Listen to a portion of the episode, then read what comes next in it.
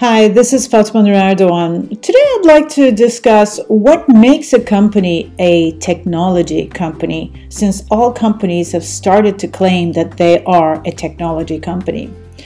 Recently, I noticed Grundig, the brand Grundig, claiming to be a tech company, and it made me cringe. Really? Just because Grundig TV connects to Alexa, does it make Grundig a tech company? Isn't Grundig a consumer goods company? It does use technology to produce consumer goods, but does that suffice to call a company a technology company? Technology means anything that helps us produce things more efficiently. If you use the term technology in that respect, in the 21st century, that means all companies are tech companies. But let's see what Clayton Christensen, the author of The Innovator's Dilemma, has to say about this. He says, most new technologies foster improved product performance. I call these sustaining technologies. Some sustaining technologies can be discontinuous or radical in character, while others are of an inc- in incremental nature.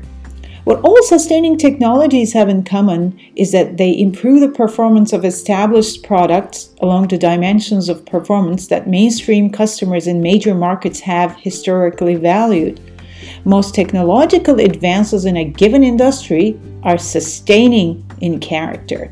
So, according to Christensen, sustaining technologies make existing products better, and that strengthens current businesses. Disruptive technologies bring to a market a very different value proposition than had been available previ- previously.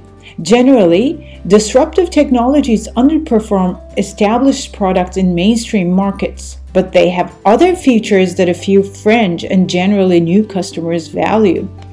Products based on disruptive technologies are typically cheaper, simpler, smaller, and frequently more convenient to use.